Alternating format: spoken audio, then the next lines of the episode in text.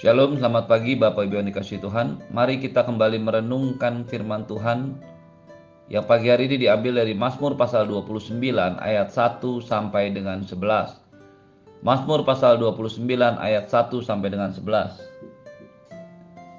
Kebesaran Allah dalam badai, Mazmur Daud. Kepada Tuhan hai penghuni surgawi, kepada Tuhan sajalah kemuliaan dan kekuasaan. Berilah kepada Tuhan kemuliaan namanya. Sujudlah kepada Tuhan dengan berhiaskan kekudusan. Suara Tuhan di atas air. Allah yang mulia mengguntur. Tuhan di atas air yang besar. Suara Tuhan penuh kekuatan. Suara Tuhan penuh semarak. Suara Tuhan mematahkan pohon aras Bahkan Tuhan menumbangkan pohon aras Libanon. Ia membuat gunung Libanon melompat-lompat seperti anak lembu dan gunung Sirion seperti anak banteng. Suara Tuhan menyemburkan nyala api. Suara Tuhan membuat padang gurun gemetar. Tuhan membuat padang gurun Kades gemetar. Suara Tuhan membuat beranak rusa betina yang mengandung. Bahkan hutan digundulinya dan di dalam baitnya setiap orang berseru hormat. Tuhan bersemayam di atas air bah. Tuhan bersemayam sebagai raja untuk selama-lamanya. Tuhan kiranya memberikan kepada memberikan kekuatan kepada umatnya. Tuhan kiranya memberkati umatnya dengan sejahtera. Bapak Ibu yang dikasih Tuhan, pagi hari ini kita membaca sebuah mazmur yang dituliskan oleh Daud yang menceritakan tentang kebesaran Tuhan di dalam badai atau alam semesta. Ada satu hal yang luar biasa yang dilihat oleh Daud ketika dia melihat badai, ketika dia melihat guntur, ketika dia melihat ombak atau bahkan ketika dia melihat sesuatu yang besar di dalam alam semesta ini.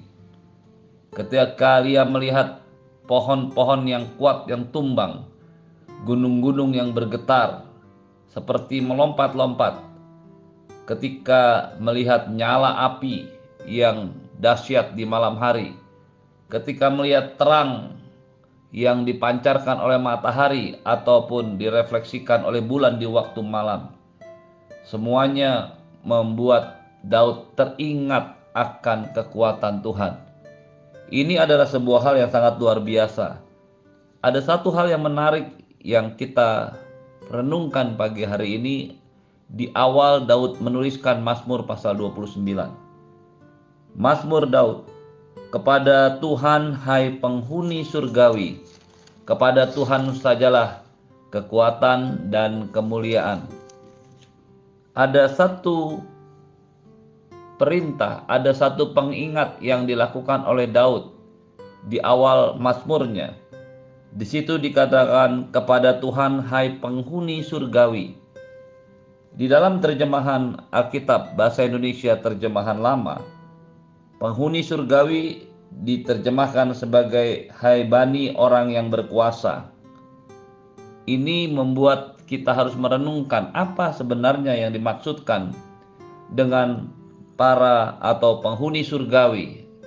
Di dalam terjemahan lama disebutkan orang yang berkuasa, sekelompok atau bani orang yang berkuasa. Sementara di dalam terjemahan baru Alkitab Bahasa Indonesia dituliskan penghuni surgawi. Di dalam bahasa aslinya di situ dikatakan Bane Elim.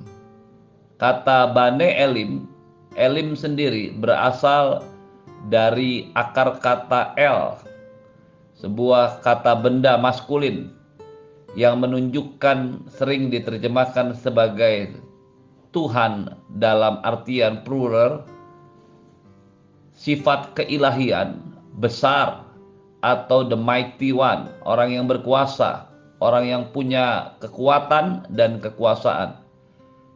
Ketika Daud menunjukkan perintahnya atau ayat-ayat lagunya dengan mengatakan kepada Tuhan hai penghuni surgawi kepada Tuhan sajalah kekuatan dan kemuliaan Beberapa penafsir Alkitab mengatakan Daud menuliskan ini kepada ditujukan kepada para penghuni surgawi, para malaikat dalam kelompok plural, dalam kelompok bersama-sama. Tetapi beberapa penafsir Alkitab menunjukkan ini, menunjukkan apa yang ditunjukkan oleh Daud ini adalah orang-orang yang berkuasa di bumi, orang-orang yang kuat, orang-orang yang memiliki kekuatan dan kuasa, pengaruh, jabatan, dan otoritas. Kalau kita belajar dari apa yang disampaikan oleh Daud dalam syair-syair selanjutnya, kita lebih memahami bahwa sebenarnya Mazmur ini ditujukan kepada orang-orang yang punya kekuatan, orang-orang yang merasa dirinya kuat, orang-orang yang memiliki jabatan atau pengaruh atau kedudukan yang luar biasa di bumi ini. Daud mengingatkan mereka bahwa di balik kekuatan, kekuasaan mereka, Sebenarnya kekuatan dan kemuliaan yang sejati haruslah ditujukan kepada Tuhan saja. Kalau ayat ini ditujukan kepada para penghuni surgawi dalam artian para malaikat, tentunya malaikat yang ada saat ini adalah malaikat yang sudah mengetahui bahwa kekuatan dan kemuliaan itu berasal dari Allah. Malaikat-malaikat yang tidak mengakui kedaulatan Tuhan, yang menyamakan dirinya dengan Tuhan, adalah malaikat-malaikat yang dibuang ke bumi karena jatuh ingin menjadi sama dengan Allah dan akhirnya mereka menjadi iblis dan setan yang ada di muka bumi ini. Jadi sebenarnya ayat-ayat ini lebih cocok ditujukan kepada orang-orang yang berkuasa, orang-orang yang memiliki kedudukan, jabatan, dan pengaruh atau otoritas dalam dunia ini. Kepada mereka firman Tuhan mengingatkan pagi hari ini kepada Tuhan, kepada Tuhan sajalah kemuliaan dan kekuatan. Ber, berilah kepada Tuhan kemuliaan namanya dan sujudlah kepada Tuhan dengan berhiaskan kekudusan. Ini adalah sebuah message, sebuah pesan yang jelas yang ditujukan kepada setiap Anda dan saya yang hari ini memiliki kuasa, merasa memiliki ke ke ke kekuatan atau jabatan, merasa memiliki kemampuan untuk hidup, untuk berbisnis, untuk bekerja, berkarir, atau untuk melayani. Kepada Tuhan sajalah kekuatan dan kemuliaan. Berilah kepada Tuhan kemuliaan namanya. Sujudlah kepada Tuhan dengan berhiaskan kekudusan. Ini adalah tiga hal yang penting yang menjadi awal dari penjelasan dalam syair lagu berikutnya yang ditulis oleh Daud. Yang pertama, Daud hanya mengingatkan kepada kita, kepada Tuhan sajalah kemuliaan dan kekuatan. Semua yang Anda dan saya kerjakan, baik dalam bisnis, dalam pekerjaan, dalam pelayanan, dalam rumah tangga, apa pun yang Anda dan saya kerjakan, pastikan kekuatan dan kemuliaan itu hanya kepada Tuhan. Pastikan kita memberikan segala-galanya, kemuliaan, hormat hanya kepada Tuhan pastikan kita melakukannya dengan kekuatan Tuhan. Tidak ada satupun kekuatan yang bisa diandalkan dalam hidup ini, dalam dunia ini, kecuali kekuatan Tuhan. Itu sebabnya mengapa sering kali Tuhan mengizinkan banyak perkara terjadi dalam hidup kita untuk membuat kita menyadari kekuatan kita adalah kekuatan yang berasal dari Allah. Kemuliaan yang ada yang dihasilkan oleh pekerjaan, pelayanan, bisnis, apa pun yang terjadi yang kita lakukan dalam hidup kita hanya untuk Tuhan sajalah. Pengertian yang sederhana namun sangat penting ini sering kali justru dilupakan orang. Ketika mereka sudah mengalami fase-fase di mana mereka jaya, di mana mereka mengalami kepopularitasan, di mana mereka mengalami promosi kedudukan yang sangat tinggi, mereka mencoba membawa kemuliaan dan kekuatan turun dari surga kepada dirinya Kegagalan inilah yang membuat akhirnya manusia jatuh ke dalam ketamakan, kerakusan, dan juga akhirnya menjadi orang yang melupakan Tuhan. Ketika kita diangkat Tuhan, ketika kita dipakai Tuhan, ketika kita mulai dipimpin Tuhan, saat memulai bisnis atau pekerjaan atau pelayanan, kita berseru kepada Tuhan meminta pertolongannya, meminta kekuatannya, tetapi ketika kita sudah mulai berjalan, bahkan menap, mulai menapaki kesuksesan, atau bahkan sudah ada dalam taraf kesuksesan, apakah pengertian perasaan yang sama itu tetap ada dalam diri kita? Apakah kemuliaan hanya kita berikan kepada Tuhan? Atau apakah engkau menyadari bahwa kekuatan yang bisa melakukan itu dalam hidupmu adalah dari Tuhan? Daud dengan tegas mengingatkan kita, kepada Tuhan sajalah kekuatan dan kemuliaan. Yang kedua, berilah kepada Tuhan kemuliaan namanya. Bagaimanapun, apa pun yang terjadi dalam hidup kita, biarlah kita selalu memuliakan nama Tuhan. Bukan nama kita sendiri, bukan nama organisasi, atau nama apa pun yang layak untuk diberikan kemuliaan. Tidak ada satupun nama yang layak untuk diberikan kemuliaan selain nama Allah, nama Tuhan sendiri. Yesus di atas segala raja. Karena untuk itulah kita memberikan kemuliaan kepada namanya. Dan sujudlah kepadanya dengan berhiaskan kekudusan. Ketika Anda dan saya menyadari kekuatan dan kemuliaan berasal dari Tuhan. Dan hidup kita adalah untuk memuliakan namanya. Maka kita akan selalu bersujud kepada Tuhan. Menyembah, berserah, mengakui dengan berhiaskan kekudusan. Kekudusan ilahi adalah kekudusan yang sejati yang harusnya juga ada dalam setiap umat Tuhan yang menyembah kepadanya. Setiap orang yang semakin dekat, semakin dekat dan semakin dekat dengan Tuhan, semakin intim dengan Tuhan, menjadi satu roh dengan Tuhan. Tidaklah mungkin orang yang masih terus melakukan dosa. Tidaklah mungkin orang yang melakukan percabulan dan perjinahan. Tidaklah mungkin orang yang melakukan banyak hal-hal yang tidak berkenan kepada Allah. Semakin Anda dan saya dekat dan intim dengan Tuhan, semakin kita menguduskan diri kita. Semakin kita menyadari bahwa hanya dengan kekudusanlah kita bisa mendapatkan perkenanan Allah. Dengan tiga prinsip ini, maka kemudian Daud menjabarkan apa yang terjadi dalam kehidupan sehari-hari yang kita bisa lihat dalam kehidupan ini. Yang pertama dia katakan suara Tuhan di atas air, Allah yang mulia mengguntur, Tuhan di atas air yang besar. Suara Tuhan penuh kekuatan, Tuhan penuh semarak. Suara Tuhan mematahkan pohon aras, bahkan Tuhan menumbangkan pohon aras. Ia membuat gunung Libanon melompat-lompat seperti anak lembu dan gunung Sirion seperti anak banteng. Suara Tuhan menyemburkan api. Suara Tuhan membuat padang gurun gemetar.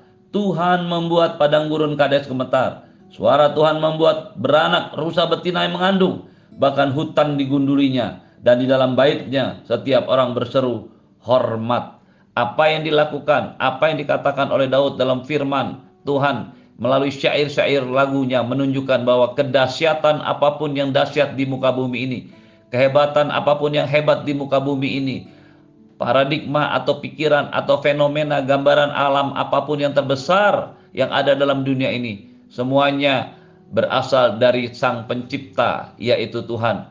Dan Tuhan Pencipta itu lebih besar dari ciptaannya sendiri. Kedahsyatannya atas alam semesta menguasai bumi dan itu menunjukkan kepada kita bahwa hanya kepada Tuhan sajalah kekuatan dan kemuliaan.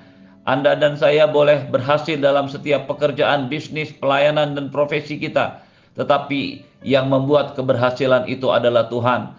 Tuhan lebih besar dari semua keberhasilan kita. Tuhan lebih besar dari semua kesuksesan kita. Perkara-perkara ajaib, karunia-karunia rohani yang diberikannya kepada kita menunjukkan bahwa Allah lebih besar dari semua karunia-karunia rohaninya. Dia tidak boleh menjadi lebih kecil dari semua karunia-karunia rohani yang kita miliki. Ketika orang mulai menganggap karunia-karunia rohani yang dimilikinya lebih besar daripada Tuhan, maka orang itu sedang berjalan mundur menuju kepada sebuah kekalahan dan kehancuran. Tetapi sebaliknya ketika orang itu menyadari bahwa keberhasilan, kesuksesan, karunia-karunia dalam pelayanan yang dimilikinya berasal daripada Tuhan, maka dia akan semakin dekat dan semakin ditinggikan dan dipromosikan Tuhan. Ayat yang 10 berkata, Tuhan bersemayam di atas air bah. Tuhan bersemayam sebagai raja untuk selama-lamanya. Pada akhirnya setiap orang harus menyadari bahwa Tuhan yang Anda dan saya sembah adalah Tuhan yang lebih besar dari semua ciptaannya. Tuhan yang Anda dan saya sembah adalah Tuhan yang memberikan kepada kita kesuksesan, keberhasilan, dan kejayaan. Tetapi kepada Tuhan sajalah hormat kemuliaan itu harus diberikan. Ayat yang ke-11 merupakan penutup menjadi doa kita semua. Tuhan kiranya memberikan kekuatan kepada umatnya. Tuhan kiranya memberkati umatnya dengan sejahtera. Ketika kita menyadari bahwa Tuhan adalah pusat segala-galanya dalam hidup kita. Tuhanlah sumber kehidupan, Tuhan sumber nafas, sumber kekuatan, sumber kemuliaan. Maka kita berdoa sama seperti pemazmur. Tuhan kiranya engkau memberikan kepada kami umatmu kekuatan. Tuhan kiranya memberkati umatnya dengan sejahtera. Biarlah kekuatan dari Tuhan berkat dari Tuhan itu yang mensejahterakan kita. Bukan keberhasilan yang Anda dan saya cari dengan mengorbankan segala sesuatu, tetapi kekuatan, kemuliaan, dan kehormatan yang diberikan oleh Allah yang membawa kita untuk terus naik dan mengalami promosi Allah. Tentu saja diperlukan usaha, tentu saja diperlukan tindakan dari kita yang aktif untuk mengenapi firman Tuhan. Alkitab tidak pernah mengajarkan kepada kita untuk malas dan tidak melakukan apa pun. Tetapi ketika kita sudah melakukan semuanya dengan rajin, bisnis, pekerjaan, pelayanan, maka Tuhan yang memberkati akan memberikan sejahtera dan dia memberikan kekuatannya. Kekuatannya adalah kekuatan yang dahsyat di atas alam semesta ini. Pastikan Anda dan saya mengingat terus kepada Tuhan sajalah kekuatan dan kemuliaan. Berikanlah kepadanya kemuliaan namanya dan sujudlah kepadanya dengan berhiaskan kekudusan. Terimalah berkat yang berlimpah dari Bapa di surga, cinta kasih dari Tuhan Yesus, penyertaan yang sempurna dari Roh Kudus menyertai hidupmu hari ini dan sampai selama-lamanya. Di dalam nama Tuhan Yesus semua yang percaya katakan amin. Shalom, selamat pagi, selamat beraktivitas. Tuhan Yesus berkati.